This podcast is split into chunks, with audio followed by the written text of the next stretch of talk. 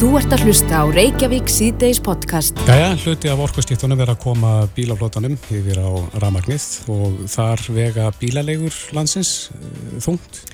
Já, það var uh, sagt frá því hér uh, já, upphafi ársæði marsmáni held ég að bílalegur eru þau styrtar um miljard mm -hmm. til að kaupa rafbíla og það voru ymsar svona takmarkanir á þessu það, þetta var eitthvað um 900.000 fyrir hvern bíl mm -hmm. og svo voru einhverja hvaður um að já, hver bíl mætti kosta meira en 8 miljónir og, og fleira en við heyrðum það í, í fréttum hjá Ríkisútvarpinn í dag að já, útluturinn hafi átt sér stað og þarna væru fjórar bílalegur sem fengu lungan af styrknum eða sóttu um mm -hmm. já, hæstastyrkin eitthvað um 113 bílar hver skiltist okkar? Einmitt En hvernig, uh, hvernig ganga þessi styrki fyrir svo og það sem ég velti fyrir mig vegna þess að nú er oft talað um, um já, ringvegin til dæmis og, og uh, hvernig orkust, or, hlæðslustöðvar eru, mm -hmm. hvort að, að það sé nóg af þeim ef að bílalegu flotin verður rafmagnaður,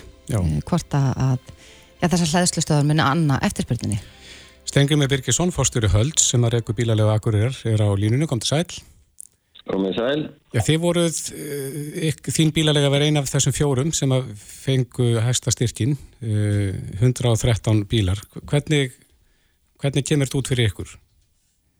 Uh, reynir bara alls ekki nógu vel, vegna þess að þessi styrku sem við talaðum um hérna, það er sem ekki búið útlöndunum með ennþá, þetta er þetta vilir um styrk til þessara aðala sem umflóttu. Mm -hmm. Ráðanlega ákvaða styrkja eða setja rauninni miljard í það að, styrkja bílugum sá ráða en í rauninni er þetta bara smá plástur á það að það er rauninni mísað með millir þess umhverju sem gildir fyrir annars meðar okkur sem er ekstra ræðilega í virðsökkarskastumhverju og svo einstaklinga.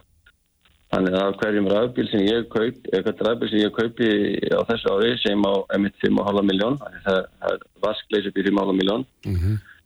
þá ef ég engan einn skatt, þó ég sé restur umhverfi, uh, ekki, uh, ekki frekar en einstaklingur sem er ekki restur umhverfi, hann hefur engan einn skatt, En þegar ég þarf að selja bílinn, sem ég selja hann í haustið á næsta ári, þá þarf ég skilja útskatta sölunni og, og ef ég selja hann sem hann tjónust nú bara á fyrsta degi og ég þurfa að selja hann til tryggingafélags á 5,5 miljón, það sem ég kipta hann á, þá þarf ég að skila rúmlið miljón í viðurskaskatt til líkasins og fæði sjálfur 4,4 í vasan en þú, ef þú lendir í sama tjónu þá færð þú 5,5.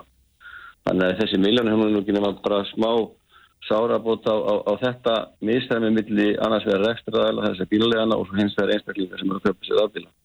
Hafið þið bent á þetta? Já, já, marg búið að benda á þetta. Og hvaða svör fáið þið? Þetta er einni þýðir þetta fyrir okkur bílulegur í landinu að borga sér ekki að kaupa einn einasta afbíla þessu ári og þessi styrkur þarna upp á 113 bíla sem er búið að veita vilirðum, eh, ekki klást hvort það verður nákvæmlega 113 að það verður að eða færi Uh, hann er ekki um að brota fyrir brota þeim ræðbyrjum sem við erum að kaupa þessu ári þannig að við erum að tappa eins og stanni núna lítur út fyrir mörg hundru miljónum á því að hafa keipt þessu ræðbíla á þessu ári sem við hefum keipt mm -hmm. Hversu marga ræðbíla uh, hafið þið keipt á þessu ári?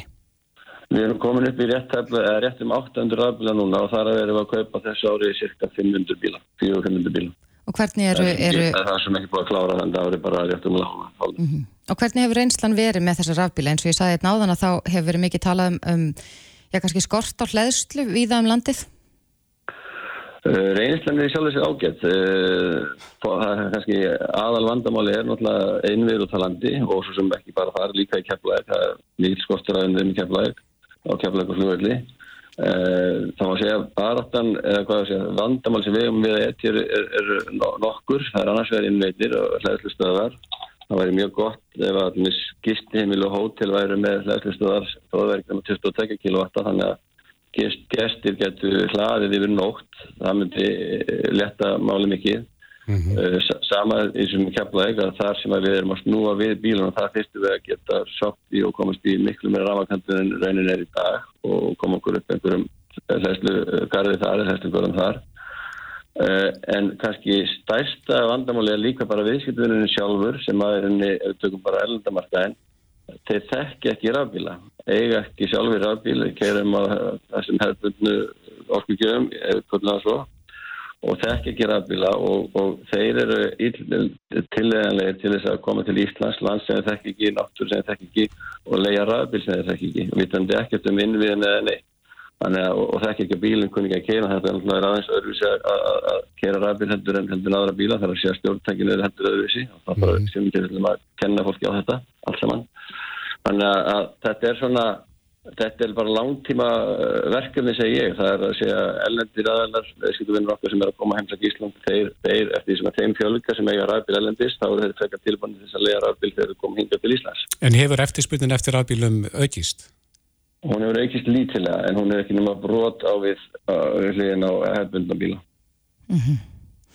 Það er, við erum búin að vera að bjóða rafbíla núna í 8 ár til útlögu og eftirspunni var enginn fyrstu 5 ár getur sagt.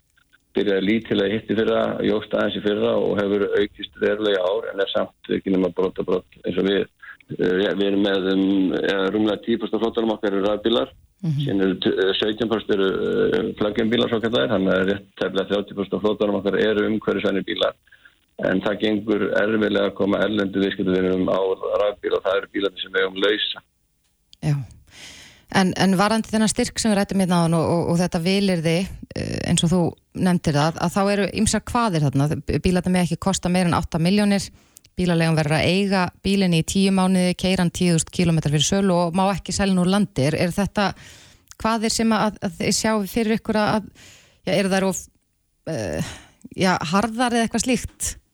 Nei, sko, ég sjálf þess að ekki gott eignarhaldinu og axturinnum uh, en, en hins vegar fjárhæðin, hún, hún er enni stoppar okkur í að rafbílar eru dýrir og, og margir hverjir yfir 8 miljonur er mitt. Þannig að, að, að það, það stoppar heilmikið en, en, en ekki svo sem axturinn eða, eða, eða, eða eigna haldið eitthvað lengi við viljum að eiga bílana og, og framfyrir fer sem horfir ef það verður engin breyting á, á þessu það er núna þá er rauninni getum við ekki selt þess að á munum borga sig fyrir okkur að selja þessa bíla fyrir nettir 3, 4, 5 ára því við þurfum að eiga á það lengi til þess að það er einni réttleita fjárfæstinguna því að annars erum við að tapa alltaf miklu fjármunum ef við seljum það strax á næsta ári eða þannig mm -hmm. en við þurfum að eiga þessa bíla miklu, miklu lengur heldur en það er bundna bíla sem árið komast Já, en stengur mig, þetta misræmi við kaup og sölu, þess að skattlagningin við kaup og sölu á bílum er þetta eitthvað sem að þið viljið láta laga sem fyrst? Sjálfsögðu, þetta, þetta er raunin á bara við um þetta ár og það er að segja að, að rafbíla sem við erum að kaupa eigum í dag, eitthvað sagt þetta er um fortíðina. Rafbíla sem við eigum í dag, keftum við fyrra, hitti fyrra og erum að kaupa þessu ári, þeir falla undir þetta en vantanlega ekki að næsta ári, við vitum þó ekki, það er reksturungur okkar skýrist vennilega ekki fyrir um áram að þeirra stjórnvöld ákveða hvernig vörugjöldum og sköttum á bílar er háttað, sem er alltaf bara kapitil út af fyrir sig og algjörlega galið umhverfi en, en uh, eins og staðin er núna að þá borgar sér ekki fyrir okkur að selja þessa rafbíla og við þurfum að eiga þá í rauninni miklu miklu lengur vegna þessa uh, ákvæðis þessa, þessa hvaða og við höfum átt fundi eða fulltrúar rauninni SAF hafa átt fundi með, með rafmyndum og, og Og, og fleiri aðlum og hérna reynda að benda á þetta en, en, en tala fyrir mjög dögum meira menn sem komir allavega. Þannig að rauninni þetta er, þetta er engu samræmi við, við stefnum orku, að flýta orkurskiptan. Nei og þau myndu ganga hraða fyrir sig ef að þessu eru kipt í liðin? Algjörlega, menna, þá, þá getur við sett þessa bíla bara eftir tíu mánu eða tíu skilómeter sem dæmi mm -hmm. og, komið, og þar með komið hraðar út á markan það er rauninni það eru náhrifin okkar, bílur, bílar, þeir, við erum að kaupa bílur að kaupa mikið nýjum bílum og, og selja það vennilegt í kannski svona 18 mánuða notkun, 18-24 mánuða notkun, dreifist auðvitað. En, en, en ef þetta verður svona þá borgar sér ekki fyrir okkur að selja þessi bílar fyrir eftir einhverju x ár og er enni alls ekki að kaupa fleiri rafbíla þessu ári. Við keiftum rafbílu voru í svona tröst í þess að þessu, þessu, þessu mikla gall er hann er leðir eftir, hann verði snúið við en, en það verðist allavega ekki enn sem komir hafa gengið. Þannig að við erum búin að taka þá okkur, við viljum ekki köpa fleiri rafbíla þessari. Næ, Stengrimur Birgisson, fórstjóri Hölds sem að reyku bílalegu agurir. Kæra þakki fyrir þetta og gangi ykkur vel.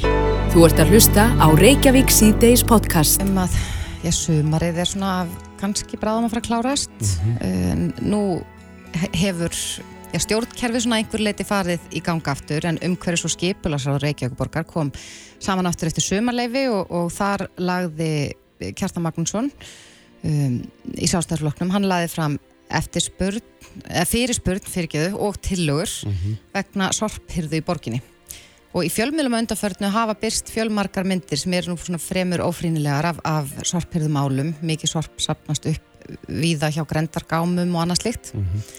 Þessi mál hafa verið í tölveru rusli í sumar. Hann má segja það. En uh, Kjartan Magnússon og Anita Brím Alexandra, Alexandra Brím, alltaf ég að segja, eru komið til okkar. Eh, Stilt frænka skils mér, ég þekk henn ekki. Velkomin. Uh, Já, kannski Kjartan, byrjum með þér. Þú, þú lagðir fram þessa fyrirspurn og, og tillögur að uh, úrbótum í þessu málflokkjar, hvað er það helst sem þú vilt uh, breyta?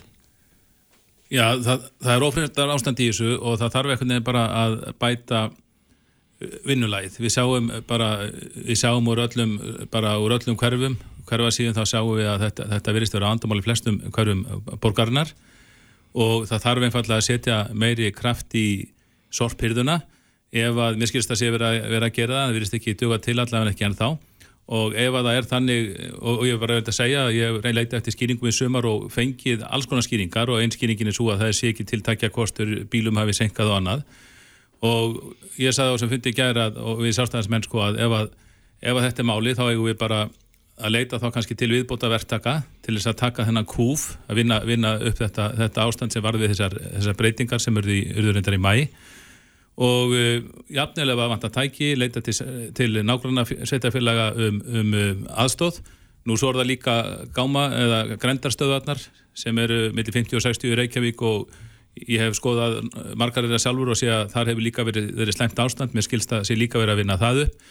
En eh, og svo að aukja á vandan að, að borgin á tímabili benti á grendarstöðarnar fyrir þá sem þegar heimilissorpstunna var full þá var bent á grendarstöðarnar sem jók á vandan þar þannig að ég, ég, ég var hissað því að þetta vandamál var komið upp snemmi í sömar það voru borgarhalsundur í júli þar sem voru engar upplýsingar veitt, veittar um þetta þannig að ég var í gerðan að segja óskapar til upplýsingum og svo koma með þessar tillögu til úrbúta um að um að setja kraft í þetta og vinna upp vandan. En Alessandra, var kjærfið ekki tilbúið undir þessu stifti? Sko, við erum náttúrulega að tala um í rauninni, í rauninni tvö mál. Það er annars vegar grendastöðarnar og hins vegar hýrðan við heimili mm -hmm.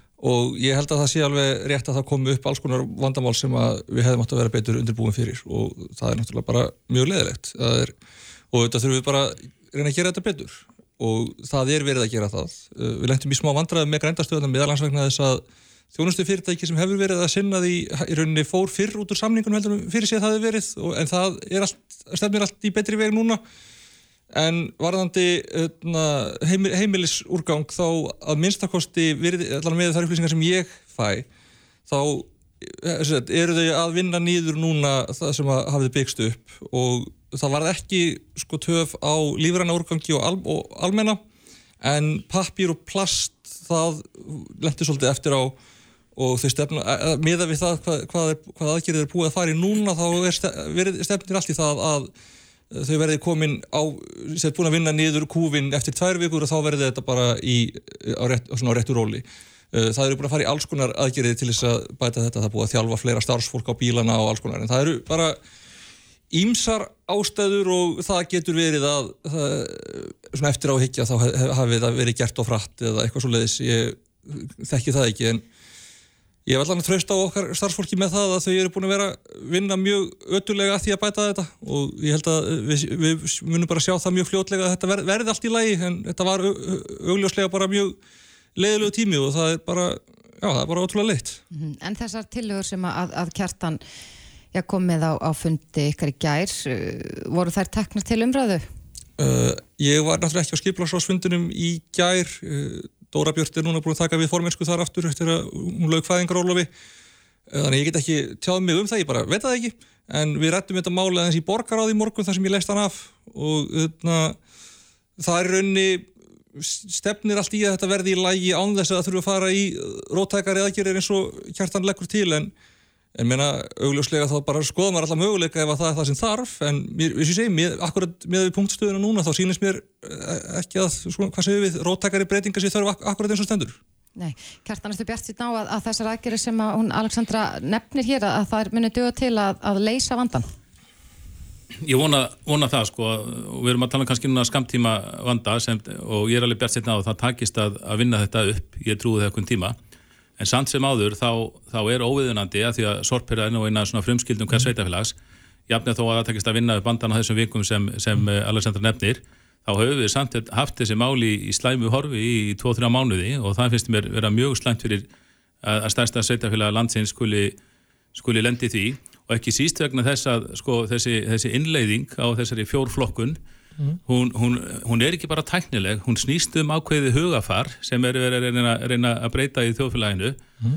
og uh, ég óttast það vegna þess að mér fannst uh, við innleiðingunni þegar hún hóst í mæ þá fannst mér mjög margir, uh, langt flesti borgarbúar vera jákvæðir gagvartinni ég óttast að þetta, þessi innleiðing, sko innleiðing hugafarsins hafi beðið ákveðin ekki þegar að fólk lendir í þessum vandraðum viku eftir viku og mánuð eftir mánuð þá, eh, þá, þá, þá býði þetta verkefni nekki og, og viðhorf hjá fólki sem var mjög jákvætt.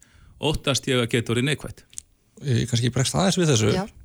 því að auðvitað hefði, hefði verið óskandi að þetta hefði gengið betur og allt hefði verið bara glimrandi strax og ég bara beðist afsökunum á því að fyrir okkur að það hef ekki gerst þannig.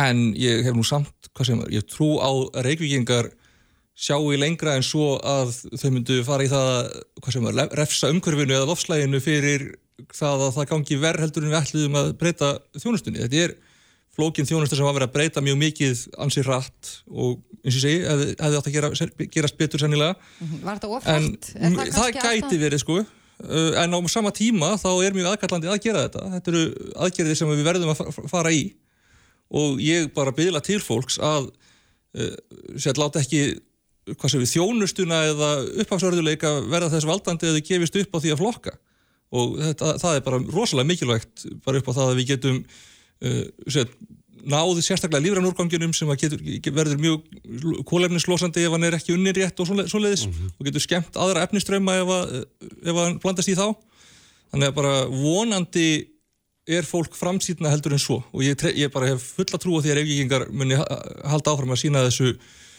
bara jákvæðni og halda áfram, áfram með okkur í því að flokka. Hvað á, hvað á að gefa þessum þjónustöðalum langan tíma? Hvað er litja mörgin? Uh, nú bara get ég ekki alveg svara því en öðna, uh, ég, ég er ekki alveg vel inn í málunum með greindastöðunar eins og með uh, heimilisflutningin en uh, við þurfum, ég held að við séum að fara, já, ég, ég þór ekki alveg tjá mig um það en það er allavega er eitthvað sem verður, verður að komast í lag og mér skilst að sé í þannig ferli að það er að vera, vera að koma í lag fljóðlega, en ég, ég get ekki alveg tjáð með um þá tíma línu. En, en nú er Reykjavík ekki eina sveitafélagi sem hefur verið í þessum breytingu, þessum miklu breytingum mm. eins og það nefnir. Hvernig hefur gengið í, í nákvæmlega sveitafélagum okkar? Nú bara er ég ekki alveg með það á hreinu, en mér skilst að það allan hafi, mér skilst að það gengið bara ágætlega, en ég er ekki með neina sérstakar upplýsingar um það. Já, ég, við erum náttúrulega langsamlega stærsta sveitafélagið með langsamlega mesta íbúafjöldan og fjöldatunna og fjölda fyrirtækja. Já, en Kjartan, þú nefnir í, í þínum tilögum að fá aðstof frá nákvæmlega sveitafélagum, er, er þau til þess bæra að hjálpa í, eru þau sömu stöðu eða ekki? Þa, þar verður nú bara að hugsa um svona til bráðabyrða hvort að þau getur lána okkur tækja kosti við til bætt við annari vakti eitthvað sluðist, það er nú bara svona til bráðabyrða til að forðast komið við fyrir neðar ástand. En ég afla, hef aðeins aflað mér upplýsinga þaðan hvernig það hefði gengið og mér heyrist að það hafi stórum dráttum gengið vel og ég vona nú bara að þetta sleppi fyrir hort núna það takist að vinna þetta upp og verkefni sjálft hafi gjörði fyrir, fyrir skadu og allt það. Hins vegar þá, þá kalla ég svolítið eftir því að, að þetta er, er mikilvæga máluflokkur að mér finnst að minnst að var skort á að, að borgarriðvöldir Reykjavík yfirstjórnin þar uh, hafi sínt þessum sortmálum í það heila tekið uh, nægilegan áhuga. Uh, og, og ég er ekki sammálað því sko að að heimilisorp og, og grendarstöðvar sé sko sitt hvort hluturinn sko eitthvað aðskilni hlutur, þetta er alveg sami hlutur finnst mér, þetta er bara sitt hvort hlutin hliðin á sama peningi. Mm -hmm. og endurvinstu stöðunar enda líka þetta, þessi sorpmálu þetta þó þau greinist í undirflokka þá er þetta allt sama, sama málið. Og ég veldi bara fyrir mig svona til framtæðar hvernig við getum, getum bætt þessi mál og, og ég, bara eitt sem ég, sem ég er ekkert að tala um núna en, en mér finnst rétt að skoða til dæmis að þegar maður sér að þetta gengur virðist ganga betur núna nákvæmlega að þau ég held að öll sveitafélag á landinu bjóði út, uh, bjóði út sorpirðu uh, nema Reykjavík. Reykjavík býður reyndir út grendastöðarnar og ekki heimilisorpið og ég veldi bara fyrir mér ekki núna heldur bara til þessi framtíðar að ég held að við þurfum að setja mér í fókus á hann mál á flokk og, og ræða hallamins hvort að, hvort að það sé rétt að skoða það, skoða hafgamniðis eins og öll önnu sveitafélag á landinu og eila flest sveitafélag í hinnu vestrana heimi að skoða, skoða útbóða þessu þjónustu því að öll nákvæmlega sveitafélagi okkar bjóða átt sorpið og mér skilst að það hefði gengið sæmilega þrátt fyrir þessi vandkvæði. Mhm. Sko, þegar ég segja þetta sé sikkvort, þá meina ég þetta ekki að þetta sé ekki tengd vandamál. Ég meina að þetta, þau, það eru sikkvorar ástöðarna fyrir því og þegar annað er einmitt eins og þú ferð, ferðir rétt til yfirkjartan uh, er, er, er unnið af borgarstarfsmunum og hitt er unnið af fyrirtæki sem að, uh, við erum með þjónstjórnsamning við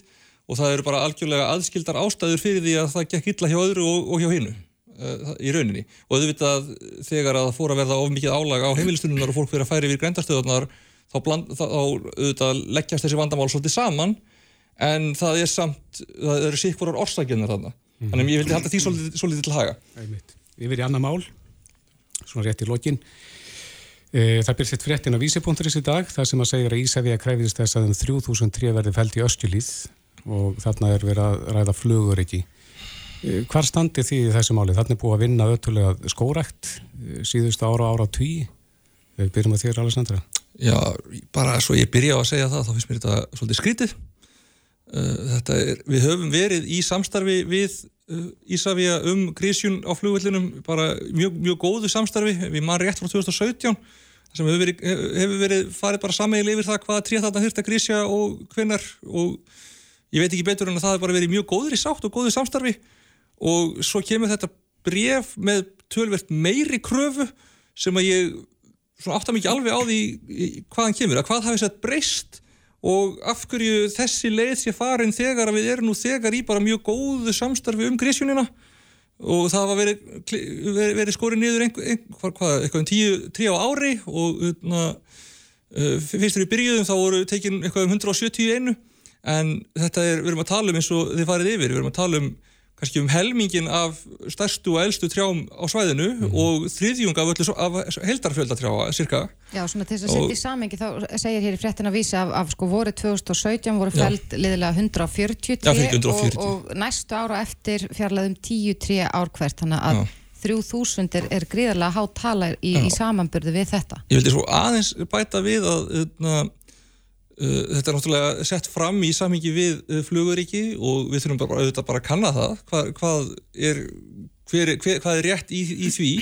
Og svo þurfum, er, er þetta líka bara þannig að þetta er það stórt að það varðar bara um, umhverfisreglugerðir um það þegar maður ætlar að fara, ef maður ætlar að fara í stórtækan niðurskur trjáa, það er bara kolmjömslósandi, það er bara þarf að skoða hvaða áhrif það myndi hafa.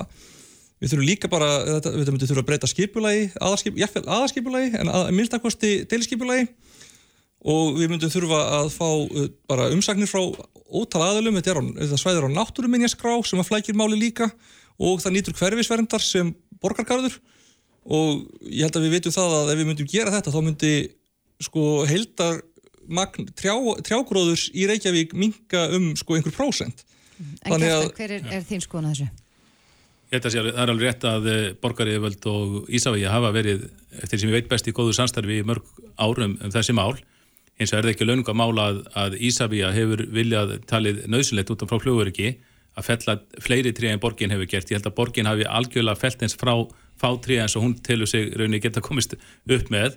Ég hef verið þeirra skoðunar að það þarf að fella fleiri trí og ég hef nú skoðað þennar stað og, og eh, þessi tala kemur svolítið mikið á óvart sko. Ég, ég er ekki vissum að þurfa að fella svona mörg trí til, til að tryggja fluguriki en ég hef vitað í mörg ára að þurfa að gera þetta. Það hefur verið hissa og mér skilst að þetta aðflugi, þú veist flugmennu finnist að vera svona orðið að tæpasta þarna úr ákveðinni, ákveðinni átt og ég til rétt að fella til að tryggja aðfluga að reykja okkur flugulli en, nota benni það er ekki verið að tala um að skóar klómar þannig eins og ég að fella tri og svo ég ekkert komið í staðin malbyggja eitthvað þannig, það er engin að tala um það.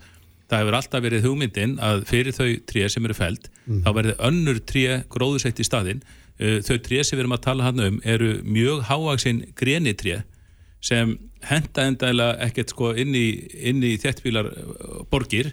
Þannig ég valda sér fyrir mér að, að þarna verði þessi uh, stóru tré á, á íslenska vísu þessi grenitré sem koma frá Sýbiríu eða Alaska að, að þau verði grísjöld og í, bara um leið verði, verði gróðusett uh, tré sem eru sem sumum fyrir ekki bara jafnir falleira, íslensk byrki og, og þau munir svo bara vaksaður upp í staðan á nokkur árum.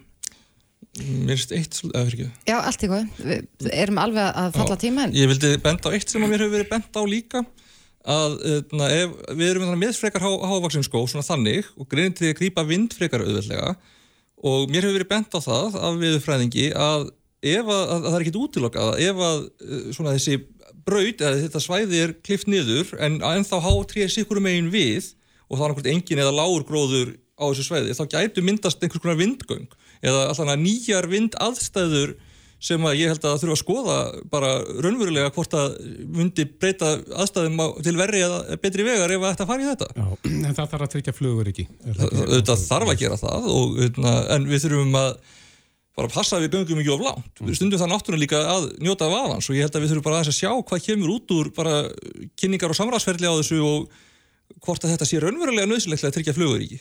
Svo getur nú bara vel verið að Ísafíða sé að gera svona ídrustu kröfur alveg eins og Reykjavík eru hinbóið reynda fellins frá trí og hætti er.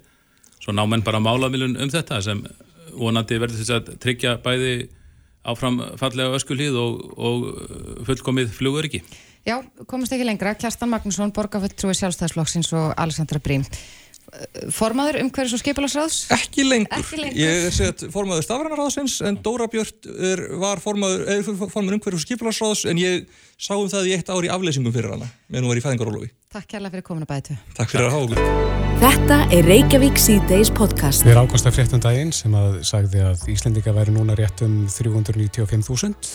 Já. Stittist í að við verðum 400.000. Sko mér liður eins og ég, ég sé ennþá alltaf að halda þið fram að Íslandika sé um 200.000. Það var eitthvað svona tala sem maður sagði alltaf í gamla daga. Einmitt. En vissulega eh, erum við fleiri. Mm -hmm. En uh, já, það er áfangi ef við náum 400.000. Lítur að vera. Já, en það er spurning hversu hratt við höfum vaksið í 395.000. Hún er komin til okkar Sofja Filiksdóttir, deildast verið þjónust og skráningar hjá Þjóðskrá. Velkomin. Takk fyrir. Já, þú kemur með eh, tölulegar upplýsingar um Íslandinga, svona hvernig þjóðin er samansett. Já, ég er bara hérna með nýjustu tölur, bara eins og þetta er í dag hjá okkur Já.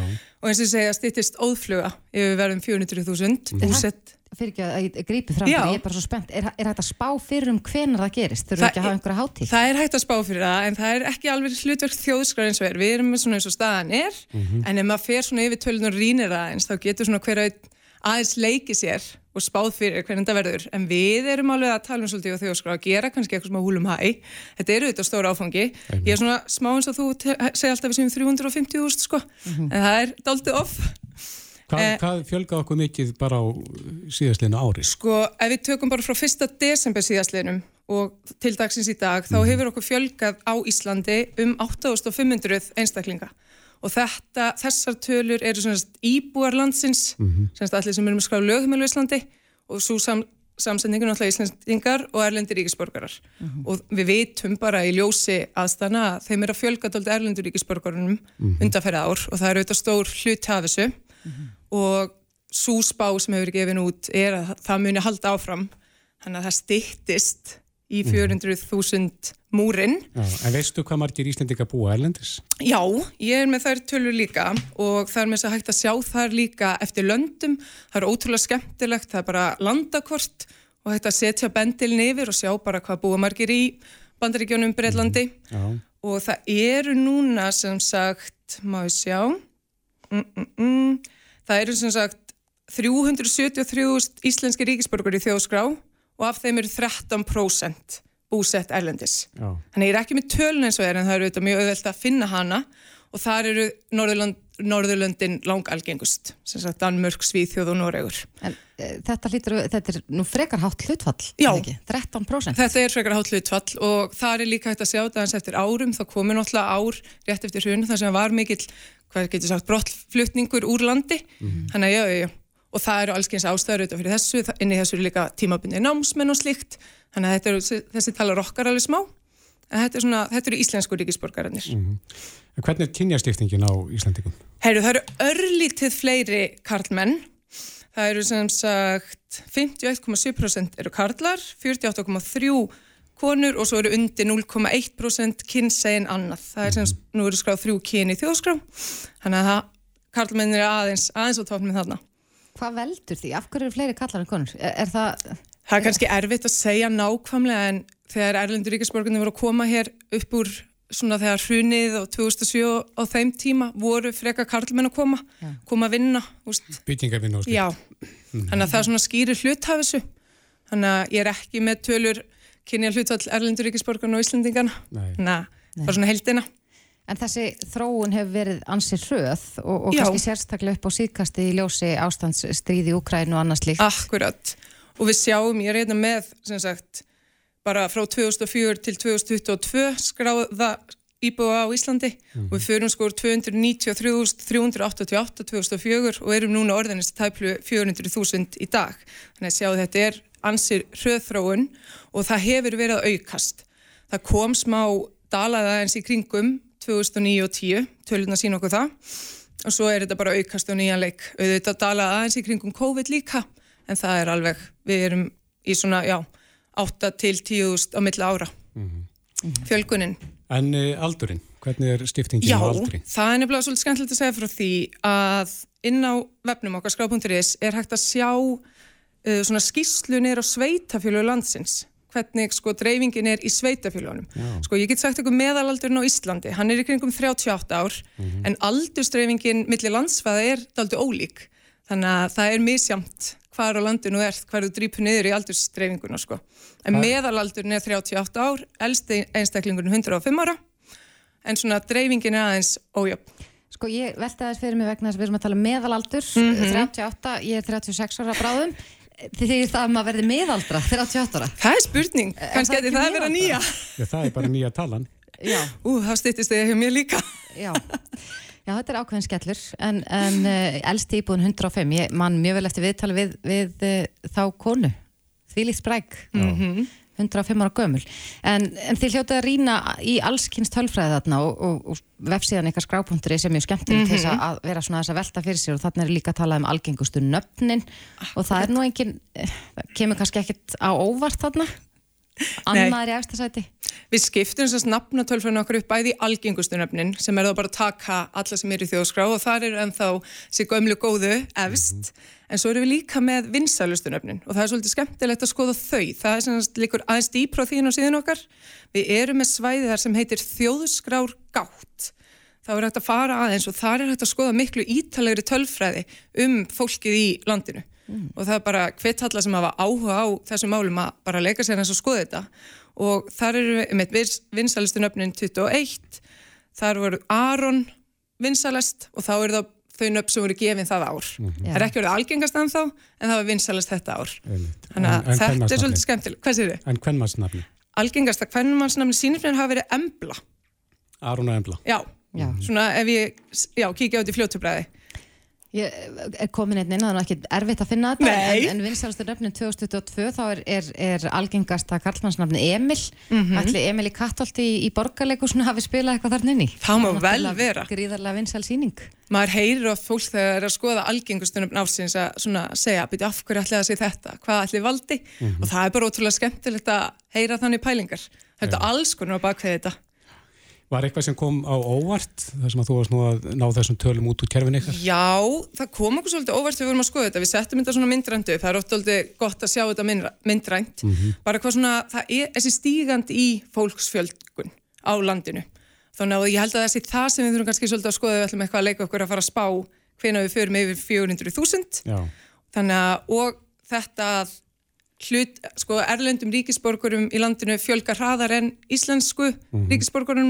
-hmm. þannig að veist, það fer svona slutvalslega þannig að það er líka bara gaman að sjá það Er, er mikil fjölgun í eldst á hóknum? Uh, ég er ekki með það hjá mér, en það verður mjög áhugavert að skoða það, mm. bara mhm. hvernig svona, hvort það sé að aukast fjöldin í þeim aldursflokki millir ára. Þjóðina eldast. Akkurat, maður heyri það náttúrulega og svona, Já, en ég er ekki með tölutna sem sína það. Nei, það hefur verið talað um það í tengslu við heilbríðskerfi og annað að þjóðin sé að eldast. Akkurat er eflaust uh, forveitinlegt að rýna í það. Akkurat og svo náttúrulega er að tala um að frjósimi sé að minga þannig að hann er öruglega eitthvað að breytast aldrei streyfinga myndinu sko. Akkurat. Já, Íslenska þjóðin uh, steittist í að við verðum 400.000 og þú segir að það ennú alveg til tals að þjóðskrá að gera eitthvað. Já, okkur finnst það nú. Þetta er, þetta er alveg áfungi og eins og segi, við getum öll setið spennt og fylgst með bara á skrá.is hvernig þetta dettur í 400.000. Og með að við fjölgunina á síðustu mánuðum að þá er bara stutt í það að við verðum 400.000. Það bara getur vel verið nefnilega. Getið þið séð á skráni ykkar, hjá ykkur hver er númer 400.000? Sko ég var aðeins að ræða þetta innan hús í gær hvort að við myndum geta gripið þann sem er númer 400.000 mm. og við erum svona, við erum nokkuð vissum það. Já. Já, það er oft talað um, um fyrsta barn ársins alltaf, mm -hmm. hérna, fyrsta janúar ár hvert þannig að það verður spennand að sjá hver verður númer 400.000. Algjörlega. Sofja Félagsdóttir, deildastjóri þjónustu og skráningar hjá Þjóðskrá. Kærar þakki fyrir komuna og takk fyrir þessu upplýsingar. Þetta er Reykjavík C-Days podcast. Undanfarin misseri hefur verið mikið uh, já, talað um aðgengjað áfengi. Það hafa komið fram uh, hinn ymsu frumvörp og þingi sem að, að uh, myndu koma til með að auka aðgengjað áfengi, hvort sem er að selja það í matveruverslunum eða, eða já, leifa netverslun og fleira. Los, losa hans um hömlur. Já, losa um þessar hömlur og, og, og, uh, og svo er, mér finnst eins og að sé deilt um það hvort að aukið áfengi, nei aukið aðgengjað áfengi myndi leiða til aukinar neyslu eða ekki. Já, það sé ekki alveg sjálf gefið. Nei, eins og, eins og að, að uh, já, fólk sé ekki alveg sammála um hvort að það myndir raungerast eða ekki. Einmitt. En nú er S.A.A. að vara við óheilla þróun í aðgengjað áfengi en það hefur aðgengja að áfenginu aukist. Við erum að sjá netverslanir spretta upp hverja fætur annari og, og einhverja verslanir farnar að senda heim og fleira í þeimdur. En S.A.A. telur þetta áhyggjöfni og hún er sest hjá okkur, Anna Hildur Guðmundsdóttir, formaður S.A.A.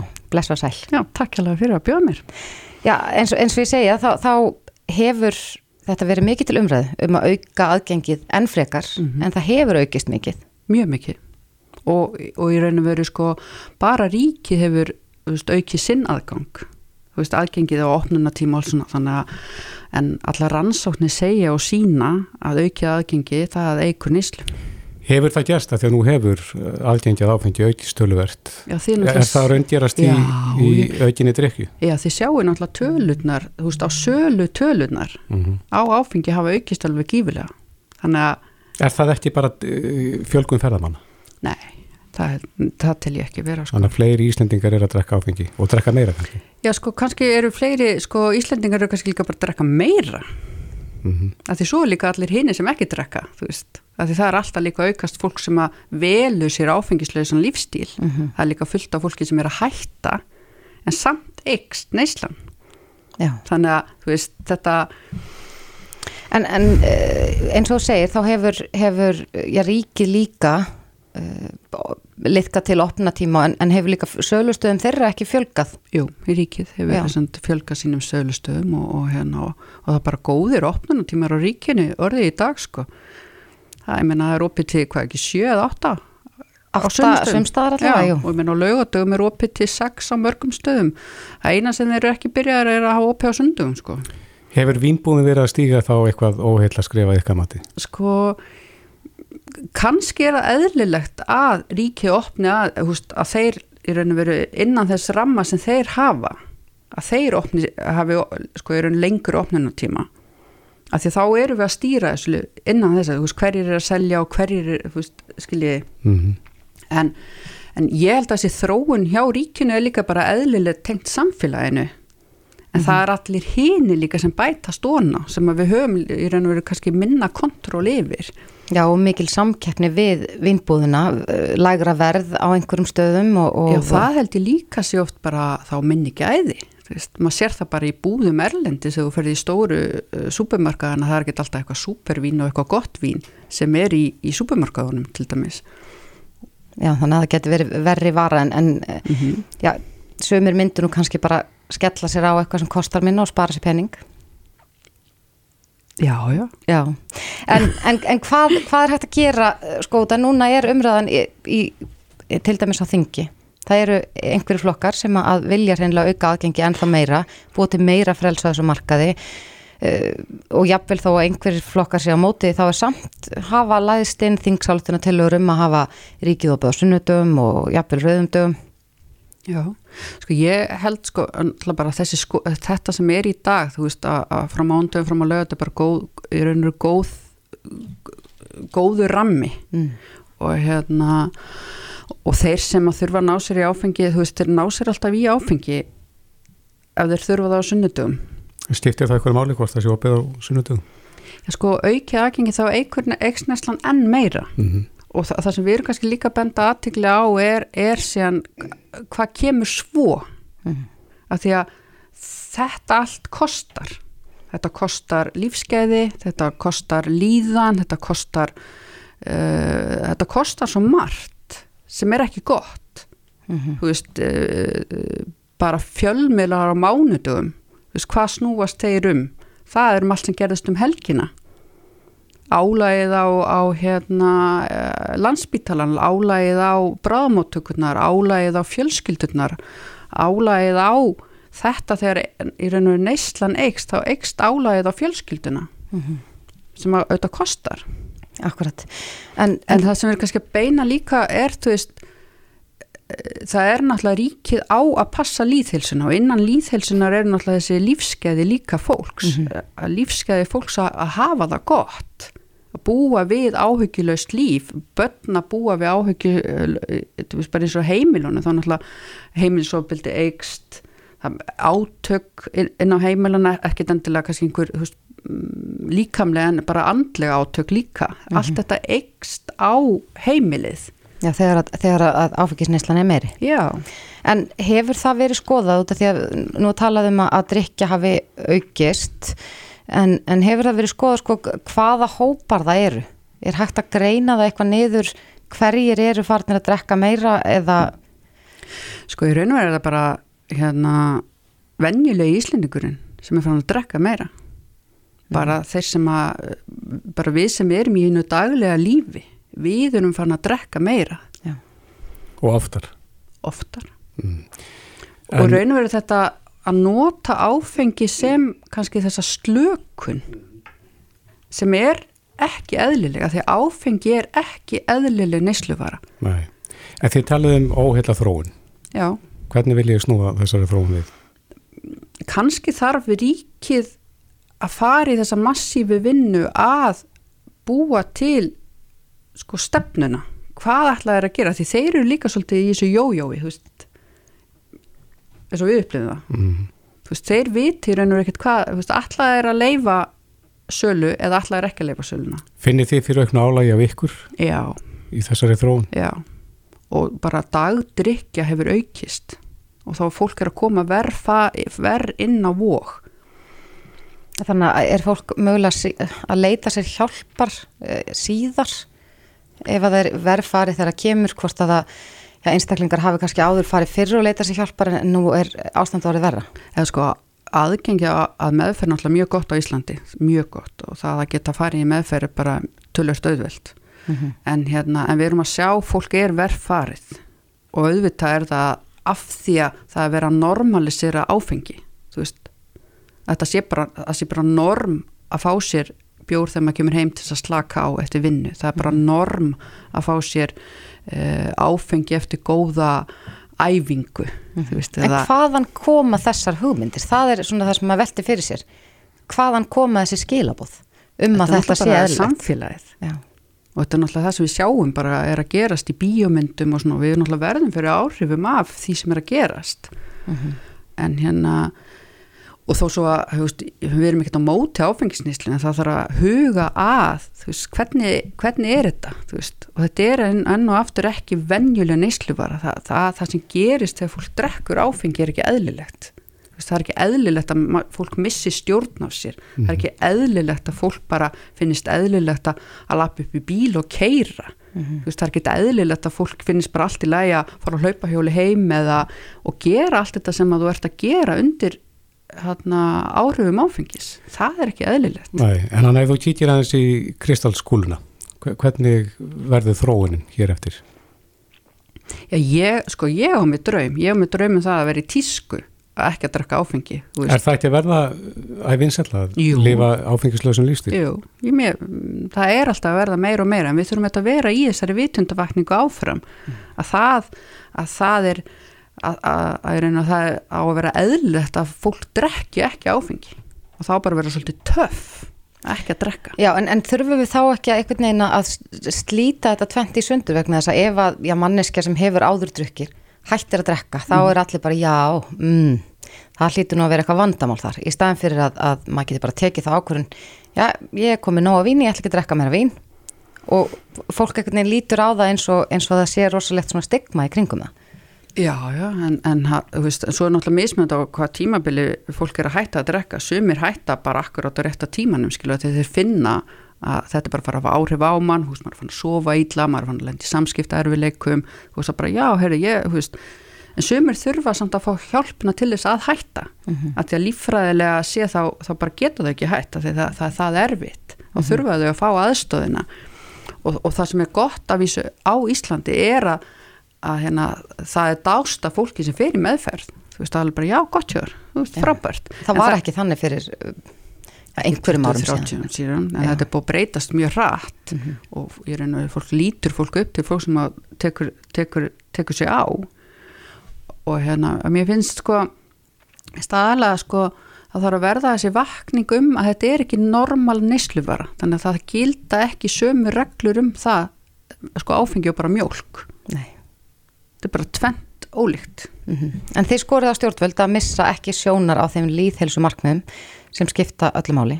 algjörlega Búist þið við viðbröðum eða einhverju, einhverjum svörum eh, við þessu ákalli? Mm, vonandi, þú veist, vonandi er einhver vinna í ráðanutunum eða, e, já, í ráðanutu um það að búa til þessa, þessa stefnu, Hva, hvert eru þeir að fara með þessi mál mm að þetta helst allt í hendur að því að aukin áfengisnisla kallar á aukna löggæslu, aukna heilsugæslu uh, aukin vandin á spítalunum, þetta helst allt í hendur Einmitt. kostnaðurinn Já, komast ekki lengra sinni. Anna Hildur Guðmundsdóttir formaður S.A.A. Það verður frólægt að sjá hvert leiðin liggur híðan í frá. Kæra þakki fyrir komuna. Já, takk fyrir að verið Reykjavík síðdeis á Bilginni podcast. Við erum sest hérna niður með henni Brynju Sif skúladóttur. Hún er formaður ástarsögu félagsins. Ég er alveg sem að félaga mínir í útarpi kipast við þegar ég heyra þetta. Ég held ég hef aldrei fjallað um þetta nokkuð tíman en, en svona opinskátt en látum gott heita því að, því að ástarsögu félagið á einmitt samlið með bylgjunni á það er ekki langt undan og komum betur á því og eftir en, en Brynja ástarsögu félagið hva, hvað ætli þið að bjóða upp á í, eða byggja um eða, eða falast eftir gestum á menningarháttíð Við ætlum að bjóða gestum og gangandi að koma við hjá okkur Óðinstorki á milli 3 og 5 og hjálpa fólki sem að langa til að skrifa ástarskilaboð, ör, ástarbref til þess að koma hugsunum um ástina í orð. Og á sama tíma ætlum við einnig að bjóða þeim sem að um, vilja kannski bara skrifa sjálfur í samskrif, bara komiði, verið með okkur, skrifið ykkar ástarbref, ykkar ör ástarskilaboð mm. að því að þarna mun bara ástarandin svífa yfir vötnum, við getum lofað því.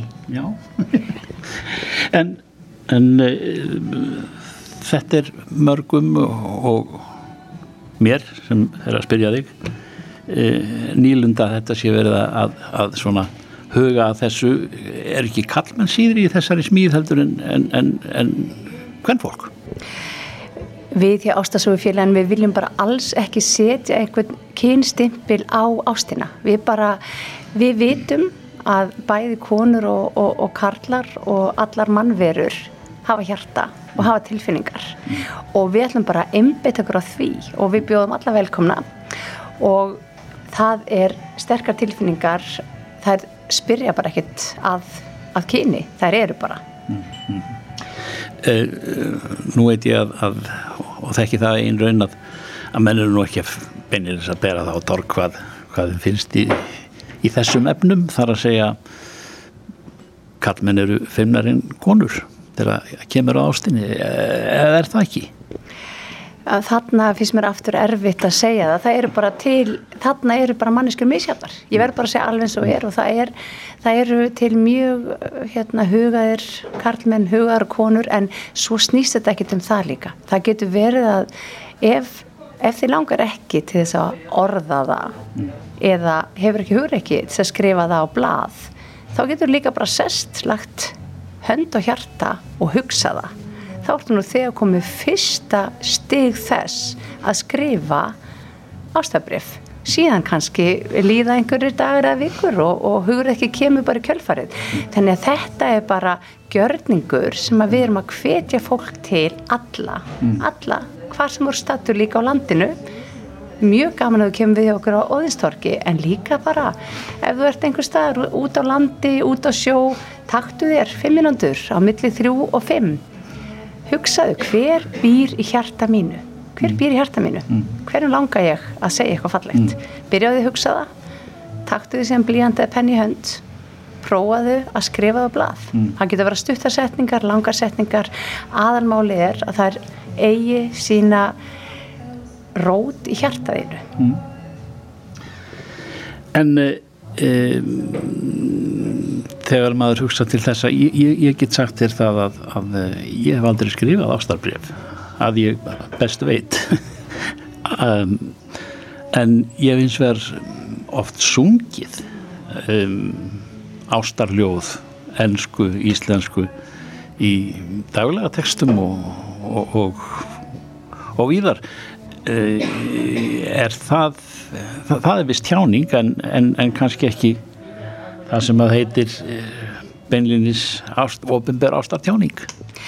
Ég myndi segja til dæmis í þínu tilveki Þorger að það væri bara tilvalið að þú myndir segja mér til dæmis hver eru fallegustu ástarorðin sem þú hefur sungið í texta hvort sem var á ennsku íslensku og bara segir það núna hérna sem sagt eitthvað sem að býr í hjartaðinu því að við getum þarna væri við bara að skoða þinn styrk sem er að syngja ástarlög.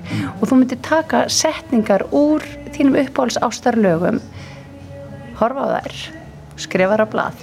Getur þú nefnt mig til dæmis eitthvað eitt sem að þú hefur sungið sem að, sem að svona far hjartat sér slá hraðar Bílalagið If I Fell If I Fell in Love With You Would You Promise To Be True? Getur þú sagt þetta líka á íslensku? Mm. Ef ég er í ástofangin viltu lofa, því, lofa mér því að vera mér trú, trú. Um, og, og svo framvegs mann nú ekki, man ekki orðin svona í sipin þegar ég er spurður svona og hópin börjum þetta ekki en þetta söngi oft. Þetta er bara ofbáðslega fallegt. Í þessu, bara þessu orði ef ég verð ástfangin lofur að vera mér trú þetta getur bara átt við svo líka marga fasa lífsins því að séru til í þessu er þessu ofbáðslega fingerði ótti um hvað gerist við okkur ef við þórum að opna hjart okkur. Við þórum að, að, að verða ástfangin. Og það er náttúrulega líka eitt mjög stór kraftur í ástabrifum, ástaskilabóðum það er einmitt þetta að þóra Já, það er kannski það að fara upp á svið og tala ofinberlega sem hefur kannski bara, bara neitt mann til þess að, að gera þetta hvort sem þú hvort sem að þú ert rólegur innra með þér eða ekki. Það er að segja að femnin er er yfirsterkari eða hvað, Ma, maður veit ekki en, en e, þú ert að, að e, fara fram á það að, að menn segi á segi sína sögu í þessum efnum svona, eða frá sínum sín, sínum uh, heittelskaða elskuðu. Við náttúrulega ætlum ekki að fara fram á neitt. Við erum að bjóða fólk sem að langar sér að koma og fá stuðning frá okkur við að skrifa ör ástarbref, ástarskilabóð þá ætlum við að bjóða þeim að koma til okkar og styðja þau, til dæmis ég veit nú, þú sagði mér að hann að konaðinn heitir Ásta. Mm. og segðu mér hérna hvað hver er svona hvað tilfinningu kallar það fram þegar hugsaður um gamlar góðar minningar hjá sem að, þar sem þið ásta hafið átt saman? Bara eindislegar og góðar. Eindislegar og góðar ég, þetta er uh, hérna þetta eru falleg orð en, en ég myndi kannski segja uh, getur að nota líka byrta eða, eða nota eitthvað á tónlistinni. Og ég veit að tónlistin er mjög sterkjaður hvað, hvað, hvað getur myndið langa, hvaða orður tónlistinni finnst þér falleg? Vá, þau eru mörg þau eru mörg um, já, þegar maður heyrir já, dægulug sem er, er um er um fallega konu Ert er, er þú frekar maður textans eða melodíunar? Melodían Ver, Hvernig verður þá að segja bara myndur þú segja ásta búi í hjartaðinu? Já, hún hefur gert það nokkuð lengi. Nokkuð lengi. En mér dettur þá í hug til dæmis, hvað finnst þér um það? Bara ásta, þú ert melódía hjarta míns, þinn þorgir. Ég get alveg sagt mér þetta. Eða myndir þú vilja hafa eitthvað meira, er eitthvað fleira sem þú vilt segja? Mm, ég þurfti lengri um svona tíma að ég, ég gerði þetta gernum og sem ég mér er finnst þægilega að það er að gera það í gegnum tónlist Já, en það er ekkert að því, meina við getum skrifað þetta ásta, þú ert melodi að hjarta minns og þú mátt syngja það, þú getur séðan bara farið heimþorgir og sungið þetta fyrir hann ástu í kvöld. Heldur, hvernig heldur það myndi bröðast við? Heldur það að hjarta hennar myndi slá hraðar? Ég veit ekki, en, en hún verður undrandi. Já, en það er líka gaman að koma fólki á óvart ef það er jákvægt. Já, þetta er hún Brynja Sif skóladóttir sem er, að, sem er formadur ástafsögu félagsins og er að, er að ráðleggja mér heilt í þessum efnum vegna þess að uh, ég hef stundað fjölmiðlun í hvað 30-40 ár og, og uh, ég hef aldrei tekið svona viðtali eða, eða sem er personlegt og, og ég veit að jú, ég er ekki einn á bát í þeim efnum en en, en þetta er það sem að verður til, til bóða eða stendur ykkur til bóða sem komið á menningarhaldi bilgunar og e, það er formaður ástafsögu félagsins hún, hún Brynja sér skóladóttir sem að sem að var að gefa okkur svona smjörþið því að það eru náttúrulega til ótal ótal myndir af þessu ekki satt. Algjörlega og þess vegna erum við, segjum við, þetta er bara opið og við verðum hérna við verðum með goðar hugmyndir mm. fyrir fólk sem kemur og vil mm. hérna tjá sig, við munum styðja fólk sem er að skrifa bref mm. hérna á óðanstorki með okkur á þessum tíma og við bara hvetjum alla til þess að taka sér augnablík huga því hvað býr í hjarta mínu og hvernig og hvenar og á hvaða hátt langar með að tjá það og náttúrulega við höldum á lofti einmitt á þessum degi ástarbrefinu, ör ástarbrefum, ör ástarskilabóðum bæði og líka löngum. Bara, lítið ástafrið getur líka verið byrjun á einhverju lengra. Mm. hvetjum alla til þess að koma og taka þátt og kíkja á okkur á áðinstorki Þú ert búin að veikja forvitnina í mér en, en hefur þetta breyst heldur þau svona heilt yfir? Og hugsað til þessarar tjáningar þegar maður er ungar árum enganlega að þá mm, fannst manni þetta kannski svona á línunni sem að hétt að vera hallarislegur svona opinská e, tjáskipti um þetta svakalega mál sem heitir ást Auðvita, auðvita hefur það breyst en það hefur breyst eins betra á einhvern nátt og auðvita er líka margt sem við getum tekið úr fortíðin og tekið með okkur. En aðalmálið er líka bara að við erum, við erum ekki að gera kröfum það að fólk komi og ofnberi endil á sína. Fólk getur líka sest til hliðar með sitt eigi blað og penna og skrifað algjörlega án þess að sína það nokkrunum og þeim sem á að fá brefið þannig ég held að tilfinningar fólks í ástinni það hefur ekki breyst mikið. Þó auðvitað hefur tjáningamótin hann er í dag mun fjölbreytar en líka heldur hann var hér áður fyrr þegar það var kannski bara hægt að skrifa bref nú höfum við ótal marga möguleika til að koma jákvæðum tilfinningum þakklæti og ást til skila til þess að við viljum senda ástarskilabóð, ástarbref Brynja sér skólatóttir þetta var frábæðilega orðaheyður þú heyrir að, heyrir að manni verður orðavant þegar, þegar maður talar um þetta og maður sé búin að bulla í hljóðnuma í fjóra áratíu eða hvað það er. Takk fyrir og gangi ykkur vel. Herðu, takk kærlega fyrir. Mikið var gaman að fá að spjallum þetta við þig Þorger. Takk kærlega. Hlustaðu hvena sem er á Reykjavík C-Days podcast. Það var stóramæli gær sem að fór ekki fram hjá mörgum. Nei, Dominós á Íslandi fagnaði 30 ára afmæli gær mm -hmm. og uh, já, ég var þess vör bara samfélagsmiðlum og út um alltaf það var verið að auglýsa 30 ára gömul verð já. sem voru ansægstæð mm -hmm. maður sér það að, að, að já, pizzan kostiði törlut minna fyrir 30 árum síðan heldur núna. Hvað kostiði pizza þá? Eitthvað um svona kringum þúsund upp í 1500, alveg svona pizza með hakki og alls konar. Einn hambúrgara pizza á matselunum. Já, mér forvitin að vita hvað væri á henni og mér skilst að það hafi verið sko laukur, paprika og nautahakka eitthvað hannig. Mm.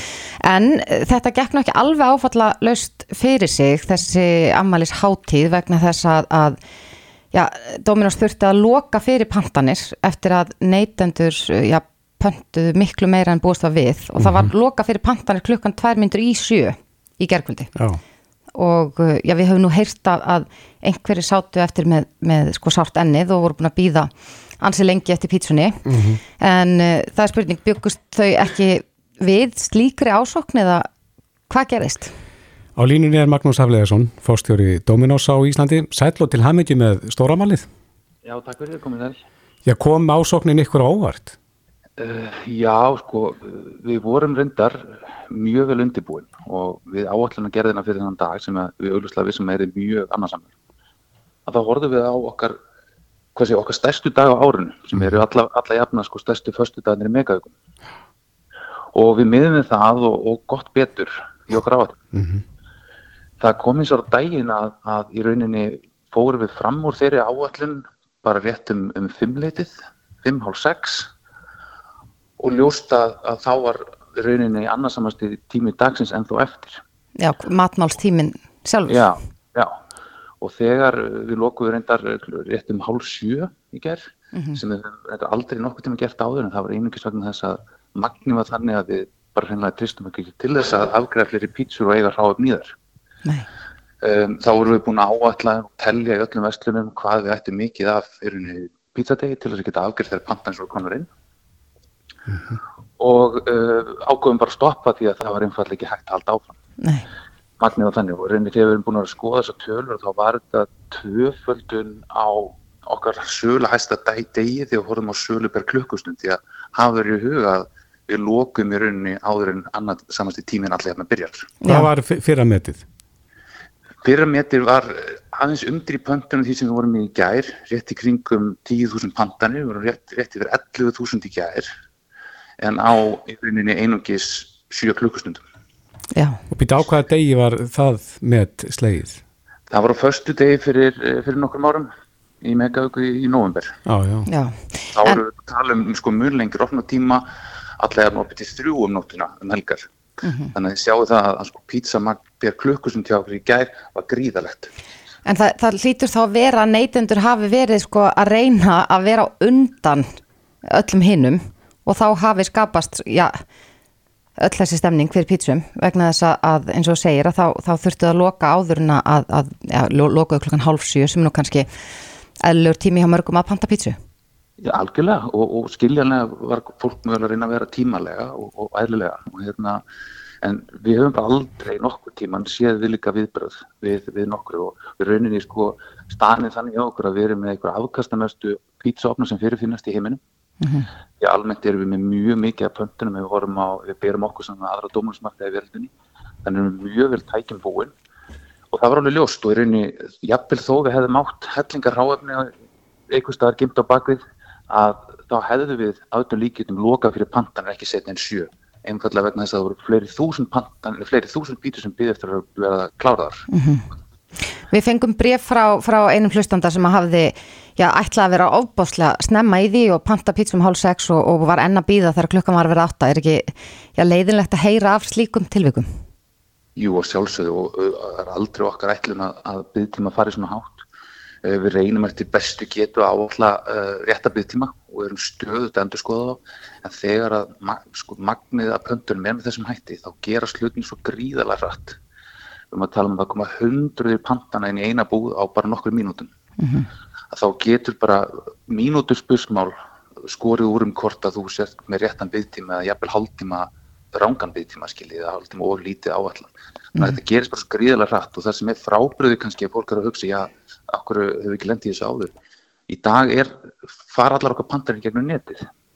Og það er engin stoppari þar. Já, hérna áður fyrir þá, þá var innbyggðu stoppari sem að segja bara í fjölda símalína og þeirra þessum var að svara í síman í þjónustuverðinu mm -hmm. við vorum kannski með 75 manns að svara þegar mest var og þá gáttu við einhverjast afgreitt ákveð mikið að pöntan inn í verslæðinu okkar. Í dag, allt á internetinu allt galopið, það er engin stoppari. Nei En Magnús, hvernig stendur Dominos á Íslandi sig svona í samabörði við annar lönd? Eru við hæst með að hafa tölu hér eins og í mörgu öðru? Já, já, já, við erum það og, og rúmlega sennilega. Þannig að við erum, við erum mikið pizzaþjóð og, og mikið Dominos þjóð og það er auðvitað þess vegna sem að það er auðlust og við erum bara hálf fyrir, eftir þessa viðtökur. Það er auðlust að við eigum sterkan staði í herta landsmanna. Mm -hmm. Hefðum að sjálfsögðu vilja standa okkur miklu betur en við gerðum eins vel og við mögulega gáttum við bara undirbúið þetta svo vikum saman. En þetta var bara svo langt fram úr okkar viltustu vonum að hérna, það var ekki nokkur hægt að sjá þetta fyrir. Já, en, en hvað, eh, nú er þið 30 ára amalið, áttu amalið í gær, Eh, munu hátíðarhöldin halda áfram, verður annar svona dagur eða eitthvað slíkt þar sem að fólk getur nefnt að næla sér í hambúrgara pítsuna, ef ég mann rétt. Ég held að áður við höldum annars svona daga þá þurfum við að stilla til netkerun okkar þar sem að það verður einhvers konar, eh, einhvers konar takmarkanir á innflæði. Það er eitthvað sem við höfum ekki þurft að gera hinga til en ég held að sé auðljóst að áður við kemum aftur svona verð með þessum hætti að þá þurfum við að aðlaga okkur en í næstu viku þá verðum við með ammælís hérna, megaviku það sem, sem eru sjö dagar þannig að það er meiri tími og hérna, fleiri rólegi dagar og slíkt þannig að það ætti engin að, geta, að mista henni Nei. Magnús Hafleðarsson, fórstjóri Dominós á Íslandi enn og eftir til hamingi með stóramalið og gangi ykkur vel. Takk fyrir spjallið. Takk svo með